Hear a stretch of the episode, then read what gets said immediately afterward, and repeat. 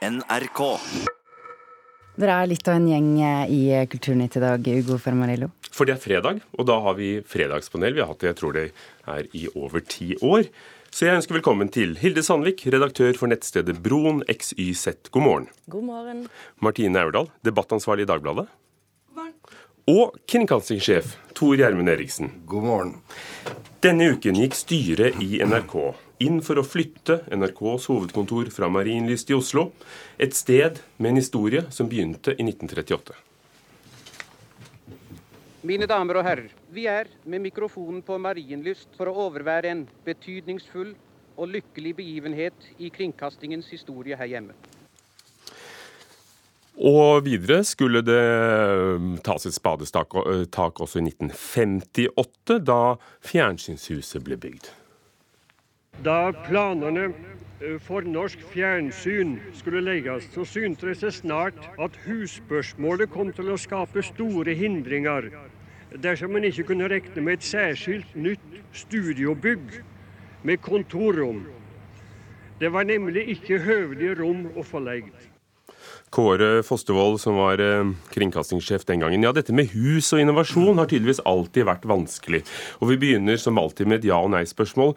Tor Gjermund Eriksen, det er på en måte eh, din sak. Kommer flyttingen til å skade NRKs sjel? Nei, overhodet ikke. Martine Aurdal? Ja. Hilde Sandvik? Altså, Jeg vet jo at svaret er nei, men har lyst til å si ja. Er det fordi det handler mer om følelser enn intellekt? Ja, det er jo forferdelig masse følelser knytta til et så ikonisk bygg. Eh, og bare den, de som har fått lov til å være inne på kringkastingssjefens kontor, vet jo at han aldri noensinne kommer til å få et så fint kontor igjen. Men det er det er, det er knytta så masse følelser. En husker for barndommen, husker en til og med postadressen. Eh, det er disse rommene osv. Men jeg kan si en bitte liten ting før jeg, før jeg går videre. og det er at Jeg håper at den flyttingen at en lærer av det som skjedde i DR. For DR Danmarks Danmarks Radio, ja. Danmarks Radio flytta, og det kosta forferdelig masse penger. Eh, på mange vis. De bygde en gigantisk konsertsal, f.eks. Eh, og det har krevd såpass mye ressurser at det er, at det er blitt ganske vanskelig for DR, eh, og, og, som er i hardt vær av mange grunner. Eh, men annet det. De måtte legge ned mange programmer, og, og platesamlingen og alt sto stuet bort i årevis. Martine Aurdal, er det virkelig eh, glass og stein og betong som, som gir identitet? Det gir mye identitet. Arkitektur uh, gjør det. Og her har vi store studio, vi har kringkastingssjefens kontor, vi har uh, det hvite funkisbygget som en manifestasjon av hva NRK Marienlyst er. Man har kunsten i bygningen, man har krigshistorien. Og det er klart at dette er med på å skape NRK-identiteten. Både for publikum og for de som jobber her. Jeg husker selv jeg var ung vikar her for mange år siden. Og den ærefrykten ved å få nøkkelkort og gå rundt i disse lange gangene og gjerne gå seg rundt, nei, altså gå seg vill i de lange gangene. Det er jo bare her og Stortinget man virkelig gjør det. Og det er klart at den Det mister man jo når man flytter ut av dette bygget. Og så betyr selvfølgelig ikke det at ikke et nytt bygg kan bli kjempebra, men, men det tar tid å bo seg inn, og bygninger gjør noe med oss. Hvordan kan huset ha stått i veien for nyskaping? For vi har jo skapt to nye TV-kanaler og 15 nye radiokanaler, og, og internett. Men, ja, vi har ikke skapt internett, vel. Det er vel å dra det litt, dra det litt langt. Men, Typisk NRK2. Men, men altså, det, det, Martine og Hilde sier, er jo enig i alt. Altså, det er skapt fantastisk kulturelle verdier her.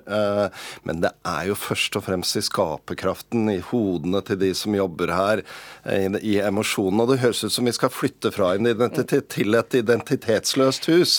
Vi skal jo skape noe nytt. Vi skal skape noe som står for ettertiden tiden. Og for NRK så er det utrolig viktig nå, og, tror jeg, å få et nytt hus. Dette er bygd ut, som vi hørte, gjennom 80 år. Eh, vi trenger mer moderne lokaler. Vi trenger mye mindre lokaler. Her oppe, som du sa, kan du gå, deg bort. Eh, det er 47 000 kvadratmeter, tror jeg, med korridorer og fellesarealer. Eh, av og til så trenger institusjoner som oss å, å, flytte. Nå er det gått 80 år. Og sjefer trenger jo noe å gjøre, og her får jo, du virkelig satt jo, et merke. Men du må huske på, huske på, at min tanke er sånn Hva er det mest optimale i konkurranse for NRK? Det vi skal møte. Hvordan, hvordan bør vi ha det om 10-15-20 år? Det er jo det perspektivet jeg tenker. Så det er ikke sikkert jeg får noe kontor der noen gang. Men det, og det er jo et veldig viktig perspektiv. Og det kan bli veldig bra. altså Jeg mener ikke at fordi om det sitter mye identitet i veggene, så kan man ikke skape mer eh, et nytt sted. Og det blir veldig spennende å se hvor eh, NRK havner, og hvordan det kommer til å bli. Og så er jo jeg som Oslo-borger veldig spent på hva som kommer til å skje her på Marienlyst Altså. Hilde Sandvik. Ja, jeg må bare si at nå sitter jo jeg faktisk i et nytt bygg eh, i Bergen. Media City eh, Media i Bergen. City, det er blitt flott. For å si det sånn, medielandsbyen. Men det er jo veldig mye bedre her enn det var på det gamle NRK-kontoret. Men det var jo en gammel brødbakefabrikk. ja. Men her er det Og hvis du ser forskjellen på NRK og TV 2 bare inn på dette bygget her, så er det altså Her er det faktisk identitet. Det, er det, det bør ingen på TV 2 høre når jeg sier, men der oppe er det jo ikke det. Hvilken identitet eh, ser du for deg for, for, fremtiden av eh, sånne lokaler som dette, som altså begynner fra 1938 og er bygget helt frem til eh, de siste årene? Skal det bli eksklusive selgeleiligheter med utstrakt bruk av, av flotte materialer, som det heter? Men Hvis jeg skal få svar på det, så er jo det, dette, ikke dette bygget vi sitter i nå, for det er et av de nyeste, men det fantastiske Kringkastingshuset. Der er det jo en historie som vi skal ta vare på. Det huset er fredet. Det mener jo vi også. Vi har aldri protestert på det det skal stå igjen. Musikkonservatorium. Ja da, men eh, hva det skal brukes til. Hus trenger folk, heter det. Og selv hus som vi skal ta vare på i historien, trenger en bruk. Så det er jeg helt sikker på at vi og Oslo kommune og andre kommer til å, å bli enige om. Så skal vi lage et åpent hus som er vennlig, som det kan skape, som publikum skal føle seg velkommen, og som vi kan, skal skape nye dramaserier og innhold som folk skal huske for ettertiden. Har du ikke altså. hatt noen betenkeligheter, for det høres ikke sånn ut? Jo, men ikke sant, dette har vi jobbet med. for det Danmarks Radio ble nevnt her. Vi har jobbet nå to, i to år for å komme dit. Vi skal skynde oss langsomt, vi skal ha kvalitet i prosessene. Og vi har tvilt og vi har vurdert, og, men jeg er helt sikker på at dette er en riktig eh, total konklusjon. Da. Hilde Sandvik, du som har et eh, nordisk blikk eh, i i Norge flytter vi Nasjonalmuseet ut, vi flytter Kringkastingshuset. Men hadde Uffizi-galleriene vært det samme i nye lokaler? Nei, men altså, Diskusjonen om Nasjonalgalleriet og museet trenger vi ikke ta, for da blir stemningen så hissig. og Michelangelo har aldri uh, laget skulpturer i Oslo. Men Store Studio skal bestå. Det skal bestå. Kunne Stortinget flyttet? De har jo brukt mye penger nå på å bygge seg utover. nei, men I teorien kunne de jo ligget hvor ja, som helst. Nei, men det er, det er, egentlig en mulig sammenligning, det. Og jeg mener jo at de ikke kan det.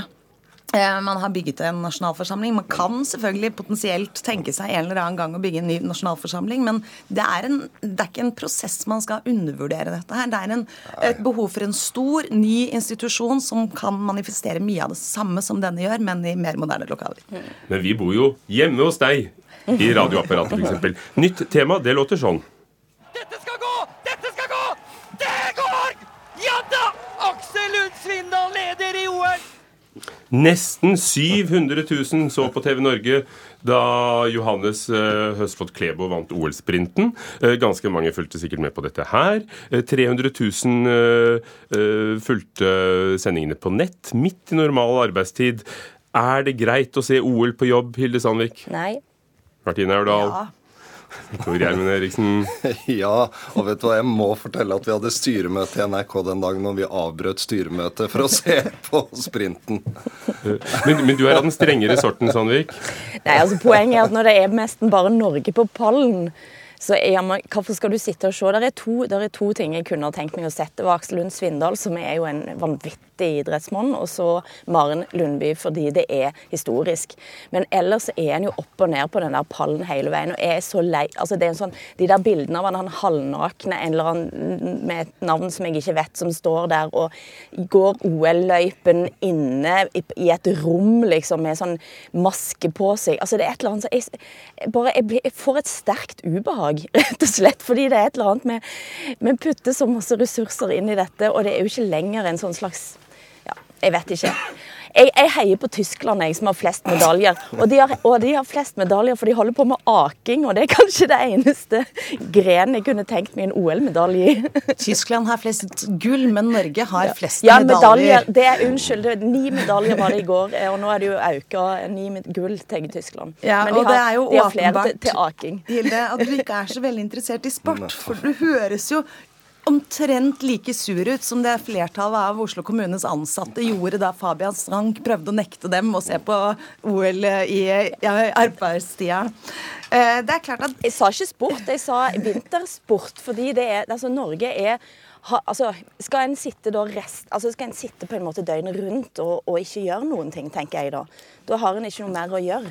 Nei, men fordi at på kvelden da har jeg noen effektive arbeidstimer eh, etter at eh, mens de sover i Korea. Det fungerer helt fint. Og jeg tror Altså, det tar jo ikke så himla mye tid å se disse innspurtene på jobben heller. Men det samler folk rundt TV-apparatene, da, eller rundt en PC. Det gir mye glede. Det gir samhold. Man kanskje glemmer litt ekstra på kollegaen sin, og så går man tilbake til det man skulle gjøre. Og så tror jeg også at man ikke skal undervurdere den negative effekten det har, da, faktisk, å nekte folk å se på det største som skjer for de som er opptatt av skisport akkurat nå. Da. Dette er jeg helt enig i, og jeg er helt sikker på at man blir en bedre arbeidstaker etter å ha hatt en god opplevelse sammen med kollegene. Og for Hilde så det virker jo ikke som om det handler om det å se på og gjøre noe annet i arbeidstida, men det handler om at det er sport. Nei da, det er ikke og, det, men det er en Du var vel ikke helt presis når du sa at det bare var nordmenn, for det var ingen andre nordmenn på den pallen som Klebo sto på, vel? På, på sprinten. Så, så jeg tenker at dette er litt gøy, og så er det tenkt Der står vi rundt i alle arbeidsplasser i Norge, og så tenker vi at de står og ser på på de andre stedene på jobben, og det er en kjempefin følelse. Morsomt. Mm. Ja, ja. Prins Henrik av Danmark døde tirsdag. Den franskfødte prinsen skapte ganske mange overskrifter, og, og, siden 1972, da Margrethe ble dronning, ble han vant til å være mannen som gikk to skritt bak, og han var ganske misfornøyd. Spissøre, for dette er dansk, og det er fra gamle dager. Det er meg svært, og, men alligevel, man venner seg til Men det er litt frustrerende på en måte. Svært, men man venner seg, men det er litt frustrerende. Burde prins Henrik blitt konge, slik han selv ønsket, Martine Aurdal? Ja. Tor Gjermund Eriksen? Nei. Hilde? Jeg kan si nei, men Fordi? Fordi altså det som er med prins Henrik, at han kom til Danmark, og han er kanskje en av de mest utdanna kongelige du har hatt i Danmark. Han har han er fransk bakgrunn, han mente kanskje òg at han var den eneste reelle kongelige. Men så møter du da et Danmark sant, som er et lille land. Um, ekstremt opptatt av sine kongelige, men der var han aldri god nok. Det at han skulle bli konge, det er jo én ting. Det fins ingen presedens for at du skal liksom kunne bli det, når, hvis du først skal holde deg med en sånn anakronisme som et kongehus. Men jeg kan på en måte forstå frustrasjonen. fordi at for, for danskene så ble han ikke noe annet enn en litt sånn artig, eller litt en sur, sur, rar mann. sant? Eh, og det, det, kan jeg forstå at du i lengden blir litt småbitter av. Jeg har ingenting mot prins Henrik. Han er en strålende og fargeglatt, men jeg tenker at det er, det er, anakronistisk nok at vi har et arve, et monarki.